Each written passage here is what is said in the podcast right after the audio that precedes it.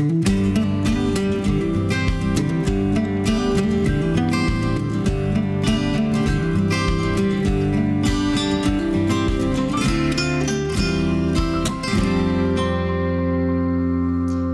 ska vi dyka ner i digitaliseringens möjligheter och utmaningar. Hur kan digitalisering ge oss ett mer hållbart samhälle och hur ser vi till att vi bygger in demokratiska värderingar i systemen? Vi ska även prata digitalt utanförskap och var gränsen går för smart datainsamling och integritet. Du lyssnar på Regionpodden och jag heter Elin Leijonberg. Och idag har jag med mig två gäster i studion. Det är Andreas Skog som är samordnare för digitalisering på Region Västerbotten och Niklas Sandström, moderat regionråd i opposition i Västerbotten. Välkomna hit. Tackar, tack. Tack så mycket. Eh, digitalisering, det är ju ett enormt begrepp eh, och det finns massor av definitioner av det här. Det är digitisering, digitalisering, automatisering, datadrivet utvecklingsarbete och så vidare. Och vi ska inte ägna det här avsnittet åt definitioner, men däremot så ska vi börja med att reda ut vad det är vi pratar om. Så vi måste ändå svara på frågan, Andreas. Vad är digitalisering för någonting egentligen? Ja, men man skulle kunna säga att digitalisering, det är ju liksom en, en dimension där man använder de digitala möjligheterna för att nå målen på ett nytt sätt. Så ibland när man pratar om digitalisering då kan man ju tänka att det handlar just om att göra någonting digitalt istället för analogt. Till exempel skriva på en dator istället för att skriva på ett papper. Men i grund och botten är ju inte det att göra på ett annorlunda sätt, eh, givet de nya möjligheterna som finns just nu. Utan det brukar man säga är mera datorisering eller digitisering. Och det steget är ju väldigt viktigt alla våra handlingar behöver ju bli digitala för att man ska kunna jobba vidare med dem och databehandla dem och så vidare. Men nästa steg, det är det som är det viktiga, det är ju när vi börjar göra på nya digitala sätt. Och jag brukar ofta förklara att det är mer en kulturförändring än en teknisk förändring. Vi använder alltså de, de möjligheter som finns idag för att bättre förstå vad medborgarna till exempel behöver och kunna effektivisera service och utveckla den baserat på data och evidens. Eh, och då använder vi digitaliseringens möjligheter och det, det, är liksom, det är det som jag är ute efter när jag pratar om digitalisering. Mm.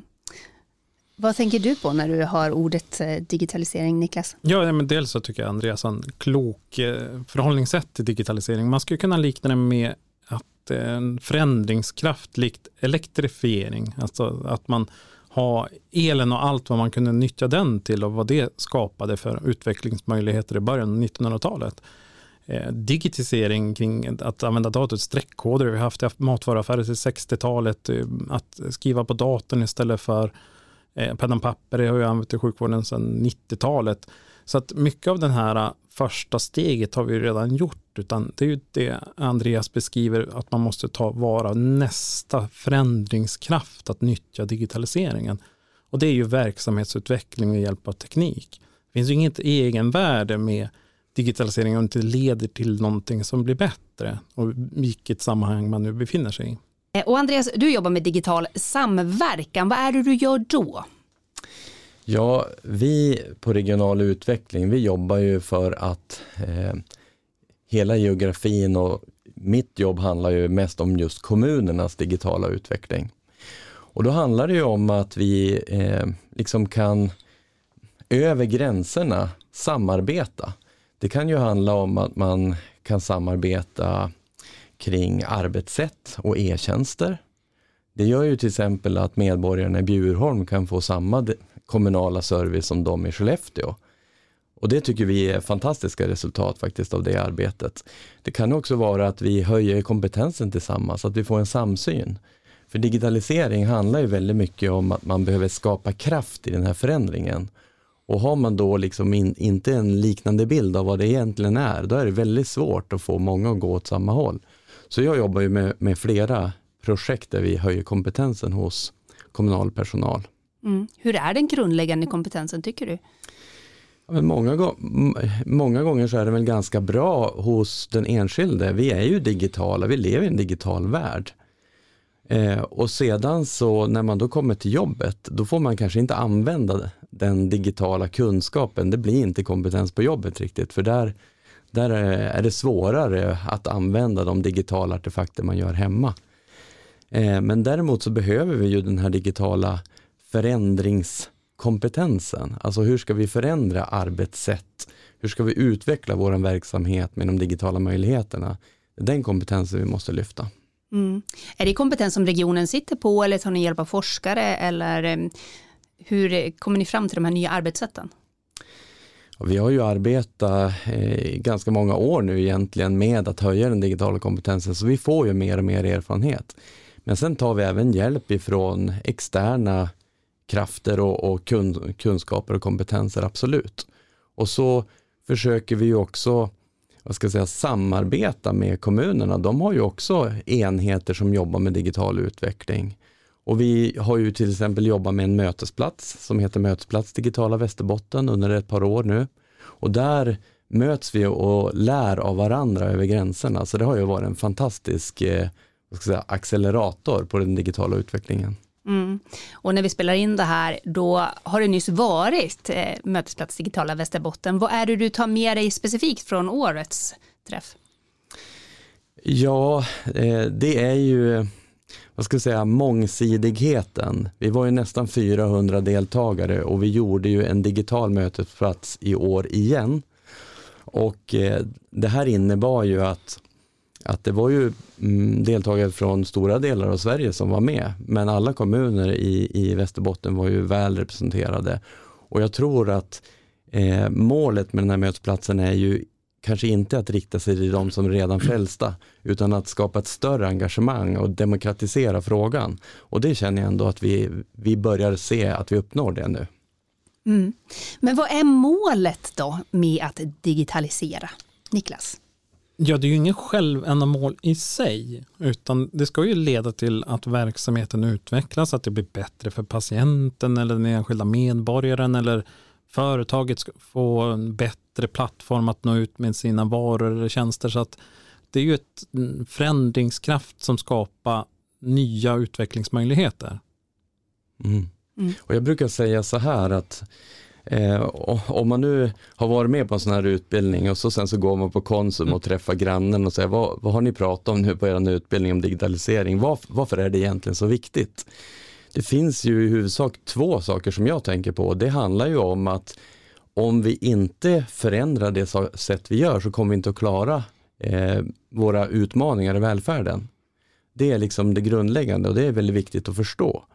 Och sen det andra är ju också att framtidssäkra verksamheten, alltså att behålla det här förtroendet för offentlig sektor som vi har haft väldigt länge. Eh, medborgarna tar ju sina bästa upplevelser ifrån mm, företag, internationella företag, digitala erfarenheter, så tar de dem till oss i offentlig sektor och tänker att det ska kunna fungera lika enkelt och smidigt hos oss. Och därför tycker jag det är väldigt viktigt att vi, eh, vi skapar så att säga en modern Eh, ett modernt sätt att leva här i Västerbotten som är attraktivt för de som bor här. Och då behövs digitaliseringen. Mm. Och vi pratar alltså om att det blir nya sätt att eh, göra saker på, inte bara att göra analogt digitalt. Eh, kan ni ge några exempel på det här? Vad är det för någonting?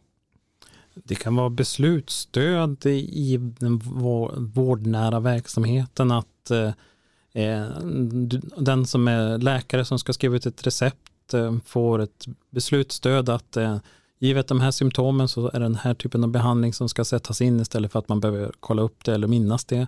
Det kan handla om medborgare att komma i kontakt med sjukvården väsentligt mycket närmare, att man har en digital hälsocentral som man söker kontakt med istället för att eh, komma in på en fysisk hälsocentral. Eh, det är många små grejer som gör att verksamheten blir bättre. Eller så blir det stora, stora förändringar som helt förändrar hur man söker vård. Till exempel digital vård är ett sådant exempel där man förändrar hur man, hur man når eh, samhällsservicen. Så att det, finns, eh, ta vara alla de här förändringskrafterna som finns. Det finns ju resfria möten är ju en lågt hängande frukt. Men till exempel inom en kommun som Umeå så bara att ändra undervisningen i hemspråksundervisning istället för att köra runt till alla skolor och jobba liksom internt på distans så kan man ju spara flera heltidstjänster. Och jag tror att den här pandemin har ju på ett sätt hjälpt oss att förstå att det är, det är, möj, eller det, det är verkligen görbart, det som vi förut har pratat om att göra, att kunna mötas och arbeta på distans.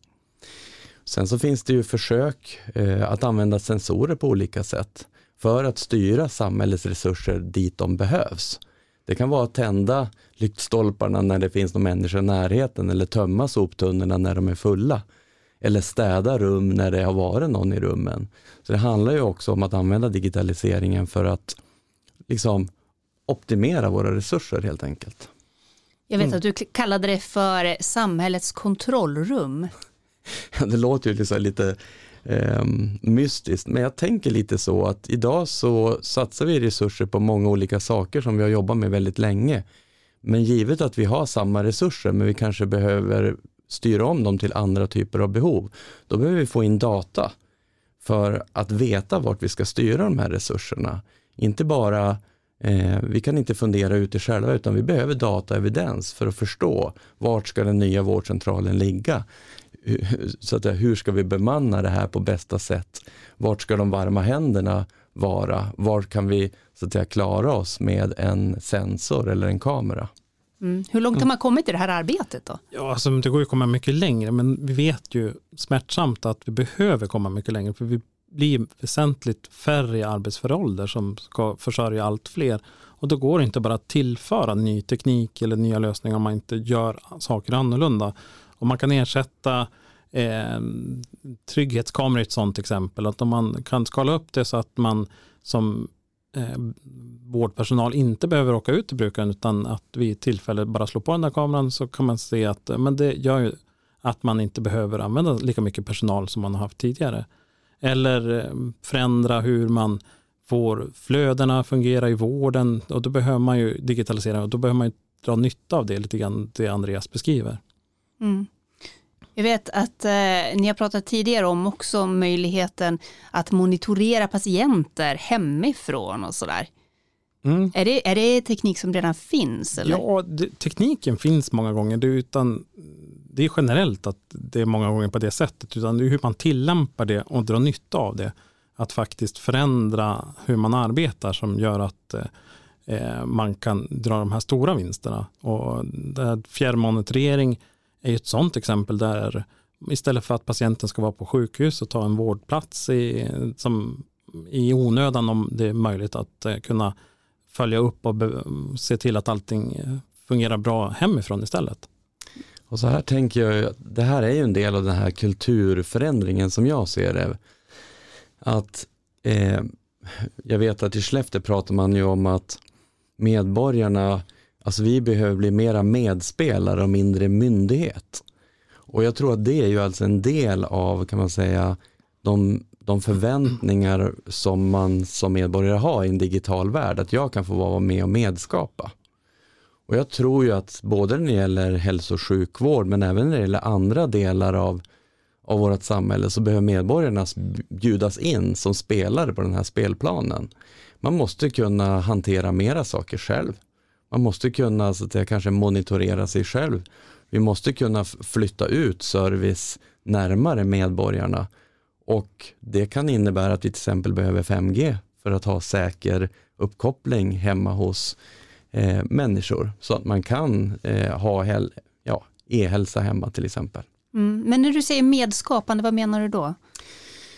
Eh, ja, men jag tänker så här att man behöver jag menar om det är ett hål på vägen så kanske det finns en app där man kan berätta att här är ett hål på vägen istället för att bara konstatera att kommunen borde göra någonting.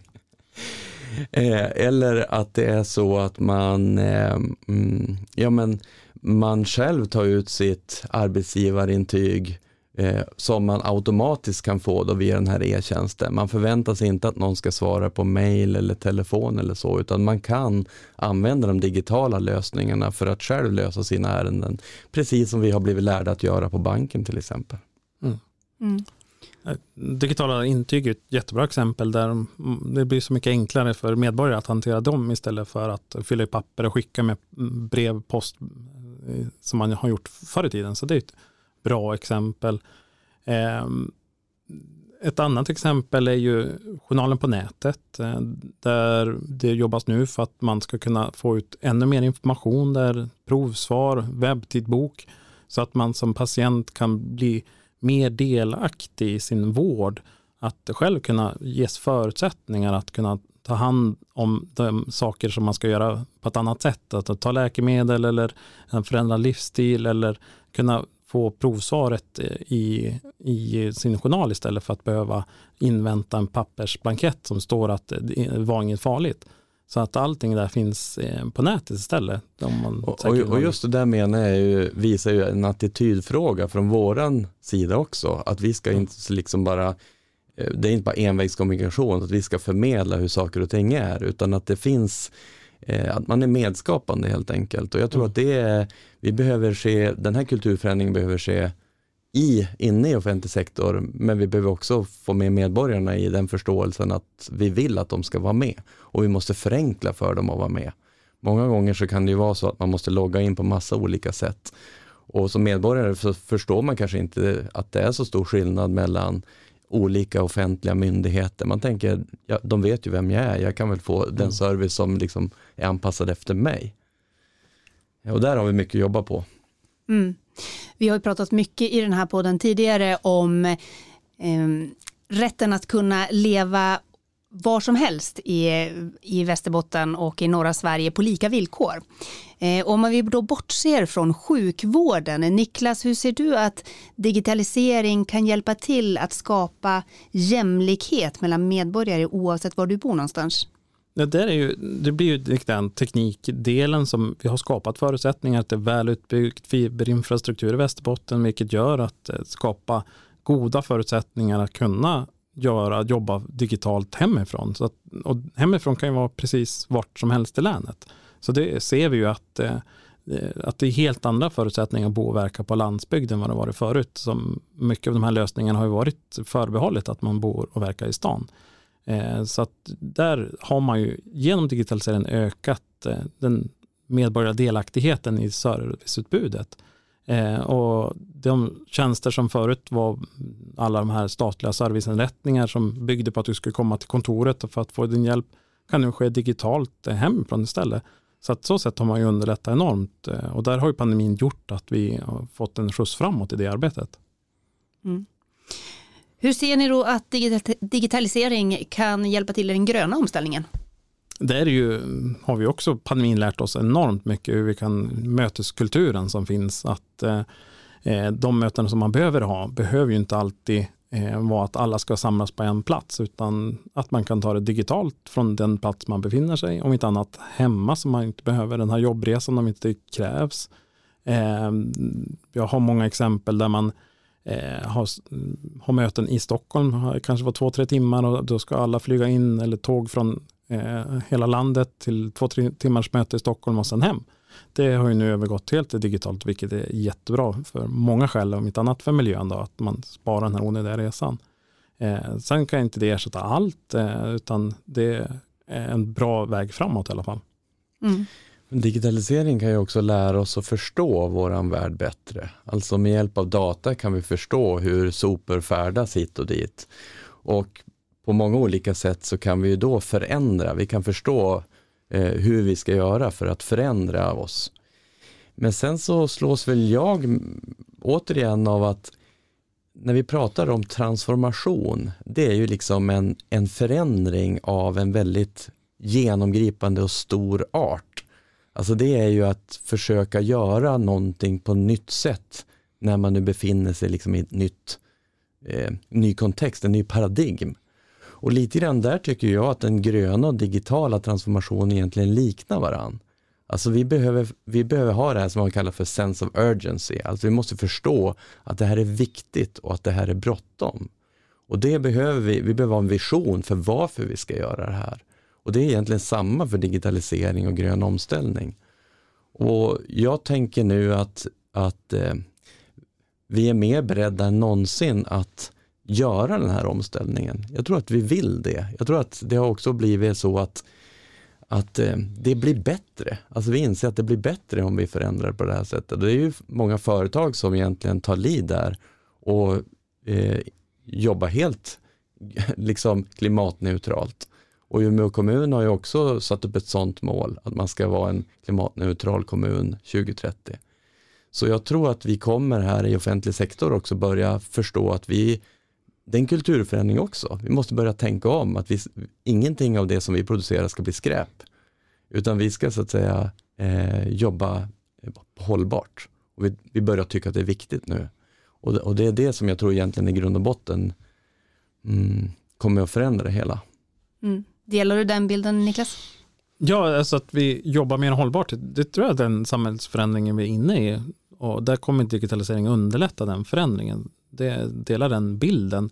Och det hade nog inte skett på samma sätt om det inte hade varit för digitaliseringens möjligheter.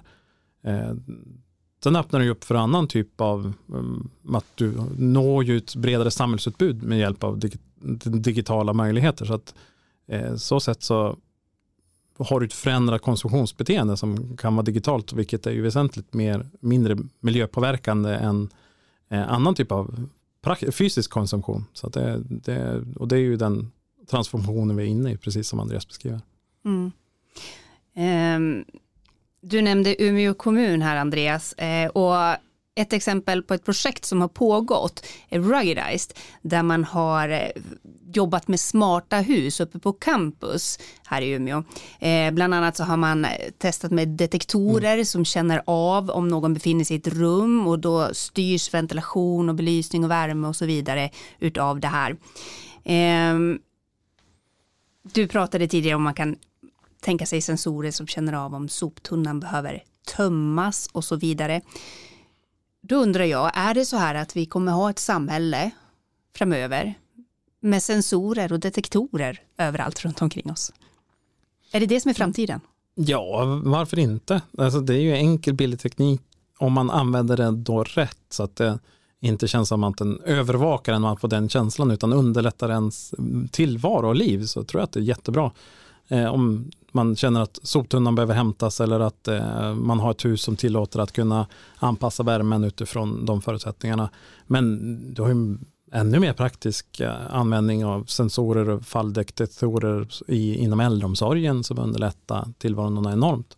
Så att det, det och då behöver inte vara eh, någon, det är ju bara en liten, liten detektor så att det är ingen, så att det är ingen dyr teknik eller särskilt svår att ta fram.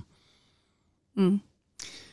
Alltså jag tror absolut att vi kommer att se det och det var ju någon som var lite dystopisk och sa att, att morgondagens sån här liksom sanering, det kommer att vara från alla, alla sensorer som har varit överallt som vi kanske inte behövde sen efter ett tag. Men så jag tror att det kommer att finnas utmaningar med det också, men det handlar ju väldigt mycket om hur man, vad ska jag säga, även de värderingar och den kultur man bygger in i det här. Och när jag föreläser om digitalisering, då brukar jag ibland ta ett litet humoristiskt exempel från det att när jag själv var 16 år, eh, gick ut nian i Bureskolan i Bureå, då gjorde vi en sån här slutföreställning och så hade vi en framtidsvision om att vi var på ett ålderdomshem, de fanns ju på den tiden då. Och året var 2034, jag tycker att det är skrämmande nära. och det var en osynlig dataröst som pratade engelska. Och den här datarösten då, den kunde ju till och med känna när jag hade gjort på mig blöjan. Oj. Så det var ju liksom mm. integritet, no more. Men nu ser vi ändå att man använder sensorer i blöjor inom äldrevården för att göra sådana här digitala inkontinensscheman. Och det handlar ju om att anpassa då vård och omsorg efter en person, en individ. Så man kanske inte alls behöver någon blöja, utan man blir toapassad istället. Så det är ju ett exempel på hur man kan använda integritetskänsliga data fast på ett bra sätt. Och det här är förstås en utmaning att vi, alltså digitaliseringen behöver ju eh, ha förtroende hos de som ska använda den. Det är väldigt viktigt att vi jobbar hårt för att skapa det förtroendet också för att eh, ja, men vara mån om de här demokratiska värdena när vi bygger upp det digitala samhället. Mm. Hur ser du på det här med integriteten? För det är ju otroligt smarta mm. lösningar ändå, får man ju säga, många av de här, men samtidigt kan det ju bli väldigt integritetskränkande. Mm. Ja, det beror på hur datan används och vilket syfte. Eh, och mycket av det man pratar ju om opt-out som det beskrivs och det är att man själv kan gå in och säga jag vill inte vara med i detta, att det ges den möjligheten. Och olika undersökningar som gjorts på det här temat så är det ju väldigt få som väljer den här att man inte vill vara med i lösningen. Eh, sån, sån typ av väg behöver vi ju komma vidare i, inom hälsodataområdet. Vi vet att det finns en enorm guldgruva av den, all den patientinformation som finns i alla sjukvårdens olika databaser och register. Och man kan få den av, identifierad från vilken person den hör ihop, utan det räcker med ålder och kön tillsammans med olika symptom och diagnoser så finns det enormt fält för forskarna att forska på det här området. Tyvärr så har vi lagstiftning som hindrar den här utvecklingen som man gömmer sig bakom integritet. Men den vårdanalys gjorde en rapport på det här området och konstaterade att eh, om man som medborgare vet att datan är säkert förvarat, att ingen obehörig kommer åt den, så får forskarna använda det till det. Men vi har ju byggt upp så mycket hinder och svårigheter för forskarvärlden att kunna nyttja den här datan, att, att komma fram med ny kunskap.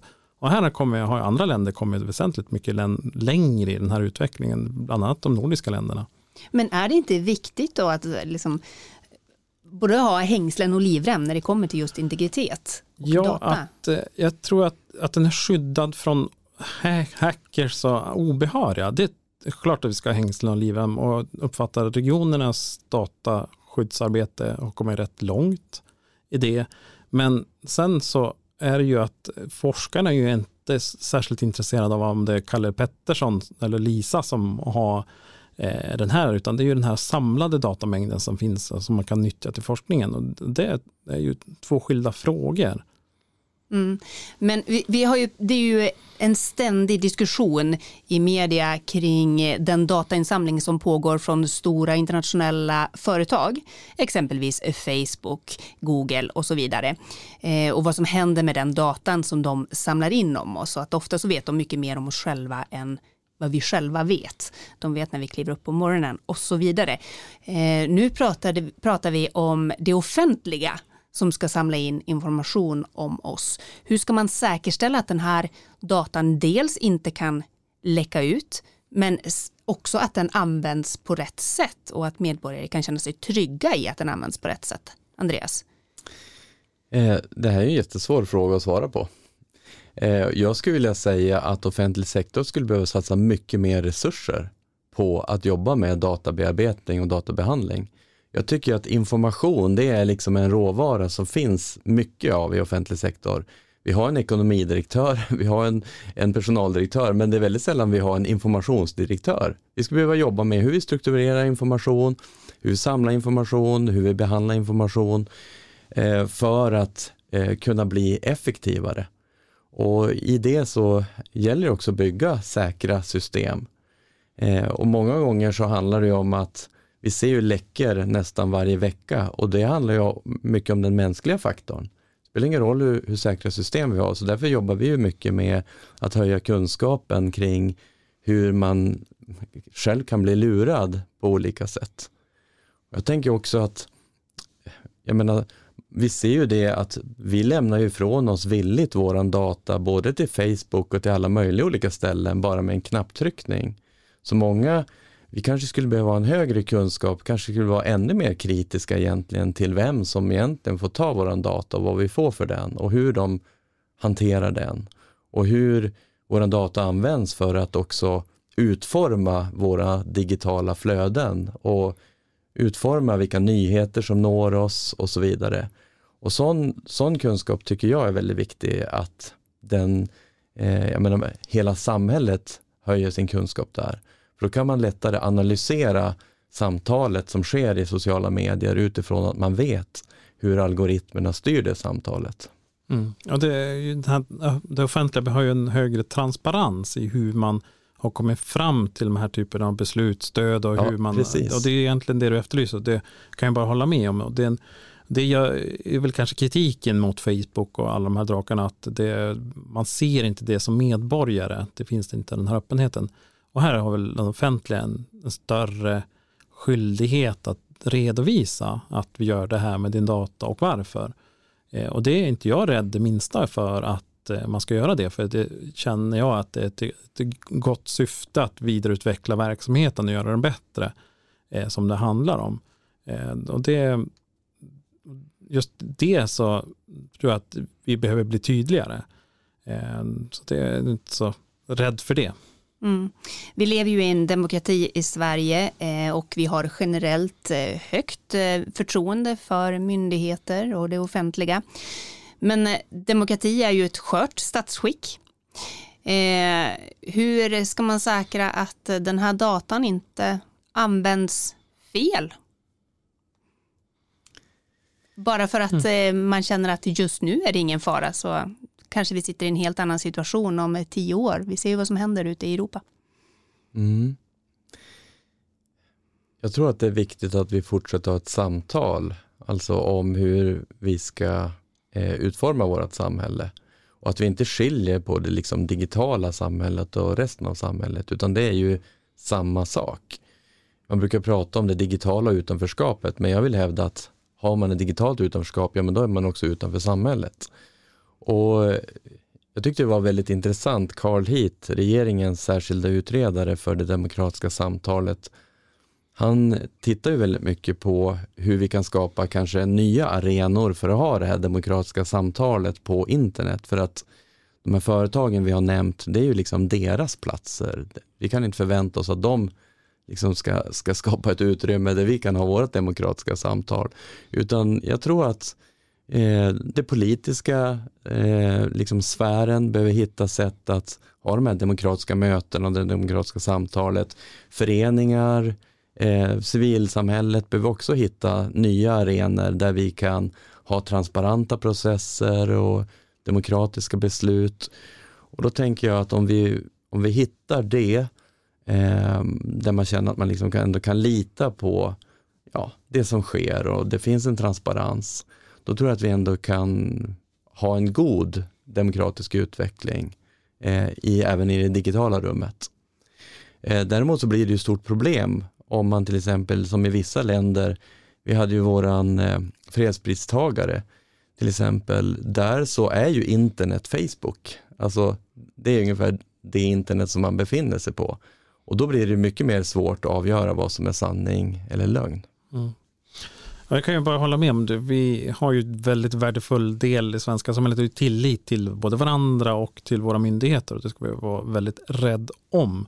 Så där behöver vi, precis som Andreas beskriver, att vi behöver föra det här samtalet, den här öppna samtalet, transparensen i vad vi gör med data och hur vi ska forma vårt gemensamma samhälle. Där har politiken ett stort ansvar tillsammans med media eh, och opinionsbildning med civilsamhälle med att föra ständigt där. Vi vet ju från andra länder, precis som beskrivs, att eh, hur galet och fel det kan bli när det är en del av kontrollsamhället. Det, det samhället vill vi ju inte ha och och eh, ytterst är det ju lite grann att vi, vi har ju mm, de politiker som man väljer eh, att, då att man bevarar den här öppenheten vad man vill med samhället och det, det är ju en del av den verktyg som finns i hur man vill forma samhället. Om man vill ha ett mer auktoritärt samhälle där man kan använda alla de här typerna av kontrollinstanser emot medborgarna istället för att främja utvecklingen av vårt gemensamma. Mm. Eh, du var inne och nämnde det digitala utanförskapet och det är ju någonting som det pratas om rätt ofta. Kan du berätta hur det digitala utanförskapet ser ut i Sverige idag? Eh, det finns ett digitalt utanförskap bland personer som inte vill använda internet. Vi har ju en väldigt stor bredbandstäckning i Västerbotten som vi pratar om, men det kan ju vara så att man av olika anledningar inte vill använda internet. Och då har vi en del eh, som är äldre personer, men sen är det också kanske så att man inte använt eh, det digitala i sitt arbete, så att man har liksom inte kommit in i den världen. Och när man nu då brottas med eh, bank-id och, och, alla möjliga appar på den här mobiltelefonen har man ingen att fråga heller. Och då är ju biblioteken en väldigt viktig hubb i våra kommuner i Västerbotten där man ofta får väldigt bra stöd eh, för att komma in i det digitala livet. Eh, och sen så tycker jag ju också att det finns ett digitalt utanförskap i just den här kunskapen om hur man ska läsa av den digitala ska säga, kommunikationen. Att man har svårt att förstå, man har svårt att förstå vem som är avsändare av den här kommunikationen. Man har svårt att förstå varför just jag får ta del av den. Eh, och där har ju, jag vill peka på biblioteken återigen, en jätteviktig uppgift att stötta eh, medborgarna i den här digitala kompetensen. Och jag tänker, ibland brukar som utmana kommunerna, om vi nu vill att alla medborgare ska ta del av digital service, vem har då ansvar för att ge dem den digitala kompetensen? Och det är ju samma med hälso och sjukvård. Vi vill att de ska ha e-hälsokompetens. Men vem har ansvar för att ge dem den kompetensen? Mm, det var en bra radioövergång sådär. Och det är klart att det är en jättepoäng i, och det ser vi i utmaningen. De som behöver hälso och sjukvård som allra mest är är oftast de som har minst kompetens och minst kunskap om de digitala verktygen som till exempel BankID som är verkligen vägen in till alla de här digitala tjänsterna. Och det är väldigt många i den här gruppen som inte ens har BankID och då förväntar sig att eh, att utformande av mer digitala system som bygger på den här typen av komponent eh, ska vara lösningen är ju, är ju ett hinder och då krävs det ju ett aktivt arbete för att eh, överbrygga det eller bygga kompetens att man blir trygg att kunna använda det. Eller att man öppnar upp till exempel lagstiftning eh, kring ombud, att eh, om man eh, som anhörig till sin sjuka eh, an, mormor eller farmor eller vad det nu är, att man kan agera digitalt ombud. En enkel sätt i alla fall att eh, komma en bit på vägen. Mm. Men jag tänker om det då också finns en eh, motvilja mot att bli digital, då kanske man inte självständigt söker sig till biblioteken för att få hjälp. Hur ska man möta det här? Jag tror att det är ovanligt, men jag tror att det finns en grupp som kanske känner så. Jag tror de, de flesta är nyfikna och vill lära. Och där ser, det finns ju goda exempel på där man kanske har kopplat ihop yngre med äldre. Jag tänker att det, en bibliotekarie räcker ju inte så långt till utan det, det behöver finnas arenor tror jag i ett samhälle där man kanske kan få möta andra som kan det som jag inte kan. Och där, där tror jag vi har en del att utveckla. Eh, men jag tror att det handlar väl mycket om att man ser nyttan med det. Och det kan vi ändå se under pandemin. Svenskarna internet som är ju en väldigt välkänd undersökning som görs varje år. Den har ju visat att även internetanvändarna över 65 år börjar ju se skärmtid som någonting socialt. Och de flesta eh, av de allra äldsta internetanvändarna, alltså de som är över 80 år, de har ju ändå använt olika digitala tjänster. Så jag tror att eh, det handlar ju mycket om att se värdet av det. Och i andra grupper så är det köp och sälj eh, Eh, sidor som är ingången in i det digitala, att man börjar köpa och sälja saker på Facebookgrupper och så vidare och, och då kommer man med. Jag kan bara hålla med och vi kommer ju se ett eh, minskat problem över tid de 40-talisterna som kommer in har ju en helt annan mognadsgrad än 30-talisterna hade. Så att över tid så kommer det här problemet minska genom att eh, generationen som kommer in kommer ju ha högre kunskap. Sen så får man ju också tänka att att eh, av alla de som har de här stora behoven av hälso och sjukvård så avlastar ju det om mot en grupp som inte har de här typen av kunskaper. Så att eh, så sätt frigörs ju kompetens och resurser till de här grupperna som behöver det som allra mest och de inte vill nyttja den här digitala tekniken. Som ändå en del av övergången till att det kommer vara en större digital mognad eh, i, framåt. Och det är också, jag brukar poängtera det här, i, i en kommun jobbar ju många människor. Och då kan det inte bara vara vissa som ansvarar för att de digitala tjänsterna ska bli använda. Utan det är ju varje handläggare och varje chef och varje medarbetare som måste hjälpa till och få de digitala tjänsterna att bli använda. Det kan inte vara att man säger, ja, men jag, jag fixar det åt dig i telefonen eller mejla mig så sköter jag det här. Utan det, man måste ju handleda en och en, för det är precis som Niklas säger, har man kan, kan 70% använda de digitala tjänsterna, ja men då har vi kanske resurser att ge annan typ av service till de 30 som aldrig kommer kunna använda dem av olika anledningar. Då. Det har ju också varit en diskussion kring de här hälsoapparna som finns just nu, att man kan träffa sin läkare digitalt, eh, där det har kommit kritik mot att vi kanske söker för lätt. Eh, och det här tar resurser och det tar framförallt pengar, det kostar pengar för regionerna.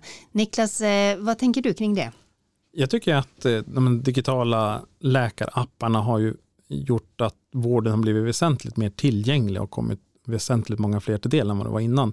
För alternativet många gånger var ju att du skulle ringa till din hälsocentral telefontiden 08.00 och 08.01 så var den telefontiden slut. Så att så sätt har det ju varit begränsat. Så att på det här sättet så har vi gjort de digitala eller vården mer öppen och tillgänglig till fler. Eh, jag ser utmaningen snarare att, eh, att man släpper på en eh, onödig vårdkonsumtion på fel vårdnivå. Att man har en, en vanlig snuva behöver inte träffa en läkare för att få bedömd att det är en vanlig förkylning. Sjukanmäl dig från jobbet eller stanna hemma med dina barn. Så det, det, är väl egentligen där problemet, reageringen till rätt vårdnivå. Inte att den här vården finns, för den är ju efterfrågan bevisligen.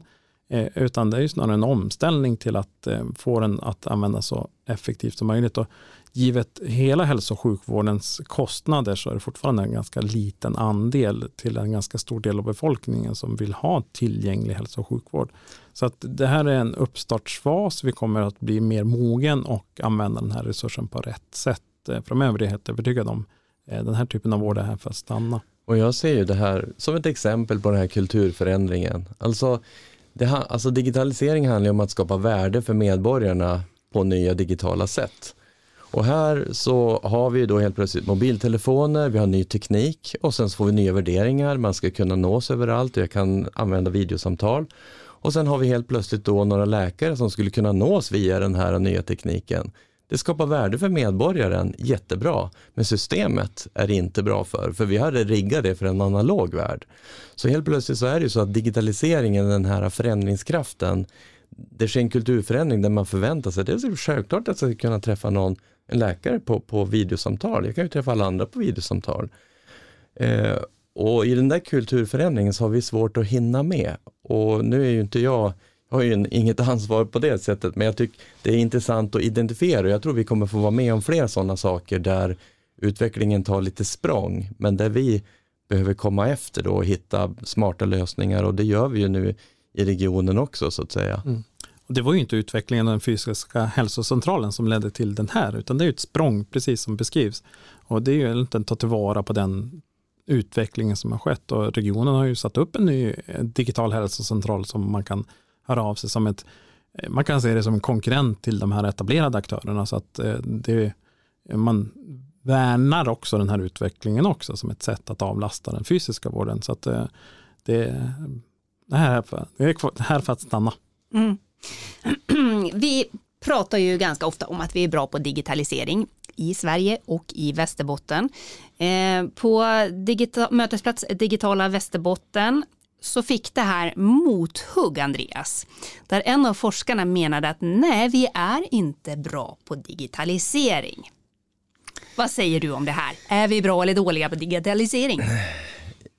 Ja, men det är väl allt, det är ju så här klassiskt, man, man eh, underskattar ju betydelsen av en förändring från början så att säga. Eller man överskattar det men, men man kan inte överblicka vad som kommer att hända. Va?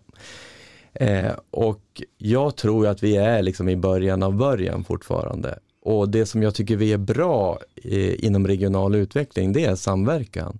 Alltså vi har i, för, för Sverige en unik samverkan mellan kommuner i Västerbotten. Vi jobbar med ett eh, eh digitalt strategiråd med kommunchefer och eh, ansvariga för digitalisering i, i några kommuner som ska ta ut strategin på fem år och tre års sikt. Och sen jobbar vi med många projekt som är här och nu. Och det här, är, det här tycker jag vi är bra på. Och det här skapar förutsättning för digital utveckling. Men sen har vi inte gjort så mycket mer än, än att vi har ett bra nätverk i Västerbotten, vi har gemensamma e-tjänster, det jobbas på bra i offentlig sektor. Och sen har vi ju ett, ett näringsliv som går som tåget med de stora eh, industrierna vid, vid kusten och de är väldigt digitala. Men vi har ju inte ställt om samhället än. Vi har ju inte använt de här digitala möjligheterna på det sätt som man skulle kunna göra än. Men jag tycker att vi, vi ligger bra till på så sätt att vi har börjat förbereda oss för den utveckling som, som vi inte kan hindra utan som vi måste hantera. För när man börjar bena i de här typen av uttalanden så ja, det stämmer att i olika rankingar så tappar Sverige position. Och sen när man börjar se på varför man då tappar position så handlar ju mycket om på övergripande statlig nivå att man inte hänger med i lagstiftningsprocesser, policy, sammanfoga stuprör mellan mm. olika myndigheter, kommun och eh, offentlig sektor. Så oftast är det där det brister och där har vi tappat fart och det tar väldigt lång tid att ställa om. Där andra länder går framåt mycket snabbare. Finland har kommit väldigt långt med sina typer av initiativ på övergripande nivå. Forma standarder, eh, att en etta betyder en etta i alla sammanhang. Eh, mm. Ta, man kodar en etta man och nolla kvinna och sen gör man tvärtom på ett annat ställe. Då blir det jättesvårt för de här olika datasystemen att prata och förstå varandra. Så här finns det kvar mycket att göra.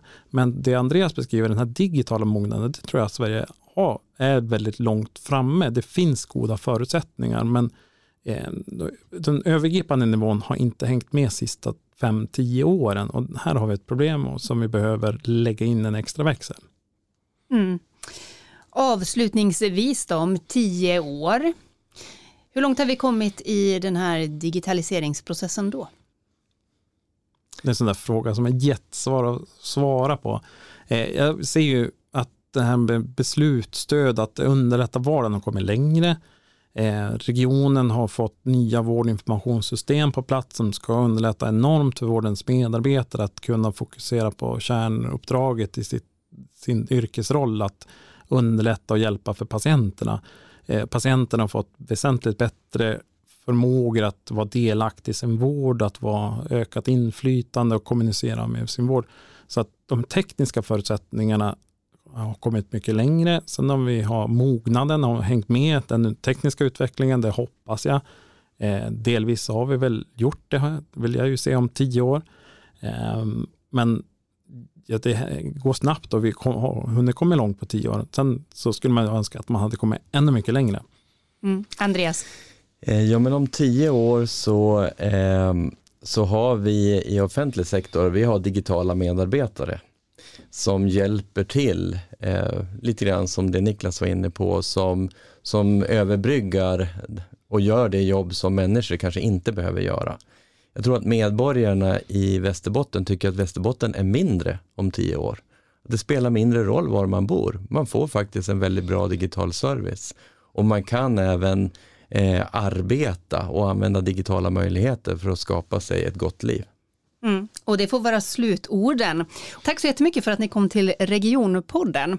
Och det här var sista avsnittet inför juluppehållet, men vi är tillbaka igen efter årsskiftet med en fullspäckad säsong med massor av spännande ämnen. Jag hoppas att ni alla får en härlig jul. Stort tack till dig som har lyssnat.